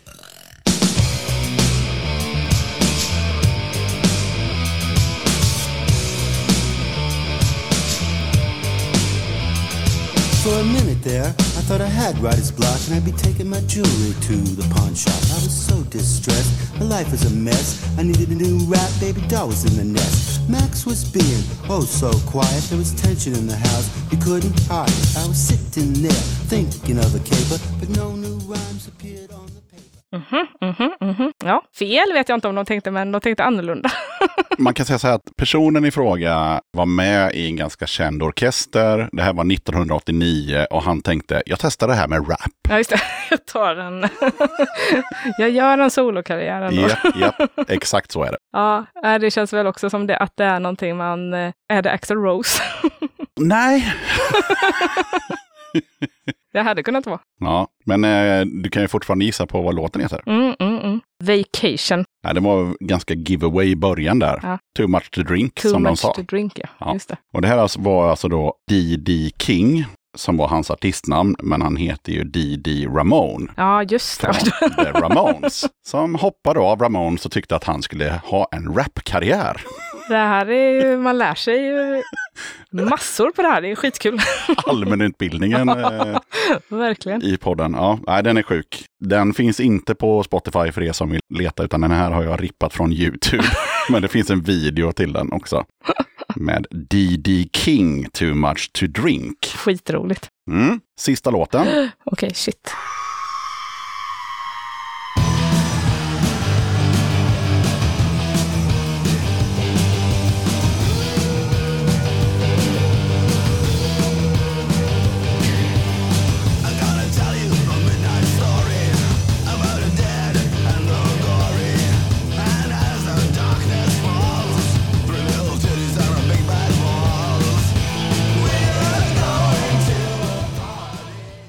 Aha. Mhm. Får man veta vilket land? Ja, Göteborg. Ja. Sverige. Landet Göteborg. Mm. Jag gissar att låten heter Midnight Story. Den heter Party at the Cemetery. Ah, så. Eh, Göteborg. Jag kan också flika in som en ledtråd att eh, min flickvän Lisa tar gärna med det här bandet lite titt som tätt i podden för att hon fattar inte varför inte alla älskar det här bandet. Mycket bra. då tycker man ju att jag som ändå har lyssnat på många avsnitt borde kunna koppla det då. Ja, du kan få en ledtråd till. Ja. Bandet var med i det här quizet som var i eh, Borlänge. Du hörde en annan låt med det här bandet sex gånger om du lyssnar på alla avsnitt i Borlänge. Då. Herregud, det gjorde inte saken lättare. Jag kommer, nej, jag kommer säga pass. Du får en ledtråd till att han som sjunger eh, har tyvärr avlidit och var ganska grym. Han hade lite andra band också, men det här var väl det bandet som folk tycker är coolast. Mhm. Han gjorde också lite skådespelargrejer och så. Uppträdde liksom på Dramaten och sådär. Nej, man ska inte fnissa. är det Torsten Flink? Nej. Han lever? Det är Freddy Wadling Ah, i satan. bandet Cortex. Ja, satan. Ja, nej, det hade jag, jag hade inte kommit på det. Nej. Men det stör mig ändå nu. Ja, nu kommer jag inte ihåg vilken låt vi körde i Borlänge, men det var säkert Mayhem Troopers eller, eller någon sån där låt. Ja, men det förstår jag att hon vill pusha för. Ja, precis. quizet. Och tills folk börjar kunna Cortex så kommer nog Cortex dyka upp i den här podden lite då och då. Lägg det på minnet. Jajamän. Ja, men Blue for Two och lite andra band hade han ju också. Och Mm, sådär. mm. Ja, men eh, då fick du ju fem poäng. Nej, fick du ju inte. Det fick Nej. du bara tre. Men eh, det spelar ingen roll, du vinner ju ändå. Så Yes. det, det är så det funkar. Yes. Men jag tror att du hade kunnat få fem kanske om du hade tagit Oscar på Strebers där istället. Ja, ja. Då kanske han hade satt ung och arg. Han hade lätt eh, tagit den. Du tror det? Ja, ja, Du absolut. satte ju Strebers själv, det Ja, gjorde du ju. jo, men han hade tagit hela skiten där. Då är det lite prisutdelning. Ja, spännande. Först får du den här. Det är en tygkasse. Oj, jäklar. Snygg. Den är snygg. Och i den så är det lite skivor från, eh, jag tror att det är primärt från Topper, för de hade med sig så mycket merch. Så Mm. att det har delats ut nu i några avsnitt här. och sen så är det såklart lite klistermärken och pins och sådana grejer med Döda katten. Fan vad roligt. Det är skitmånga topperskivor. Det är perfekt för mig. Ja. Då kan jag lyssna in mig. ja, men precis. Och sen så är det så att man får välja liksom på hardware och software. Det är alltså två påsar här. Den ena innehåller bara t-shirtar med ja, Döda katten, men även med massa olika band. Och den andra kassen innehåller skivor och kassetter och EPs och CDs och allt vad det nu är. Aha. Får man liksom välja något ur någon av kassarna. Ja, vad spännande. Jag är ju en skivperson. Mm, då tar du skivpåsen helt Ja, enkelt. jag gör nog det. Det var en till topperskiva, men det har jag ändå redan. Det har du redan. Vi tar fler. Det är spännande här nu när man inte har koll på. Nej, Jag vet knappt själv vad som är i den där påsen. Jag tycker ju att Chuck Norris Experiment har ett så vansinnigt bra namn. Det är ju närbesläktat med, med ditt första hårdrocksband där ja. Ja, och jag eh, lyssnade även på avsnittet där när de var gäster. Det var bra. Så jag tar den här CDn från dem. Ja, vilken eh, blev det? This will leave a mark. Jaha, det är en bra titel. Mm, Ja. Verkligen. Och en väldigt snygg skiva. Ja, tjusig. Ja, så det tackar jag mycket för. Ja, varsågod och, och tack till Joakim som skänkte den till podden. Sådär, men då har vi quizat och, och pratat om krogen och eh, hela skiten. Så eh, vad säger du, ska vi runda av? Det gör vi. Mm. Jag är helt slut. Jag fattar det. Tack så mycket Stina Künstlischer Jajamän. för att du ville vara gäst i Döda katten podcast. Tack så mycket. Hej! Hej. Svempa står på lastkajen och spottar på en fimp. Jag står bredvid och dricker en burk cola. Mitt förkläde är smutsigt och det glänser i hans flint. Det är lördag kväll i en gudsglömd liten håla. Svempa stirrar ut på gatan nedanför. Varje kväll står han väldigt nära kanten. Och det finns hav någonstans och det finns vågor. Men de är hundra mil och mer härifrån.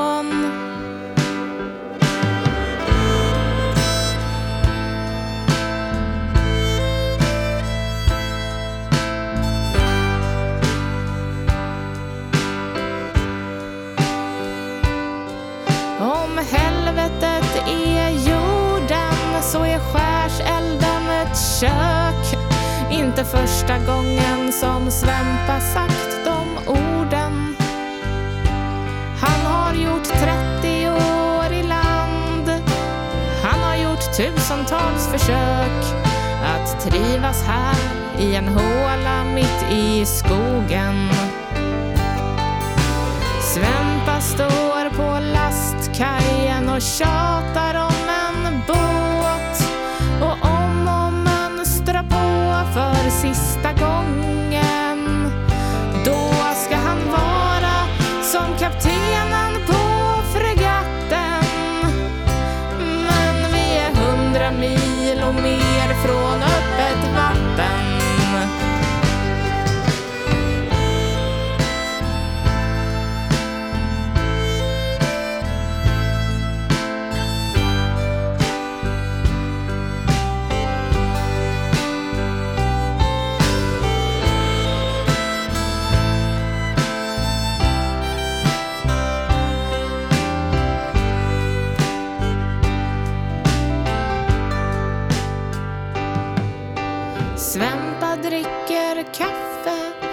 Är spetsat med absint. Och jag är trött, men ganska glad att jag är nykter. Svempa spottar på en fimp och säger att nu går vi in. Och jag är trött och hittar inga undanflykter. Svempas hår är grått som havet före stormen. Krans runt flinten. Och det finns hav någonstans och det finns vågor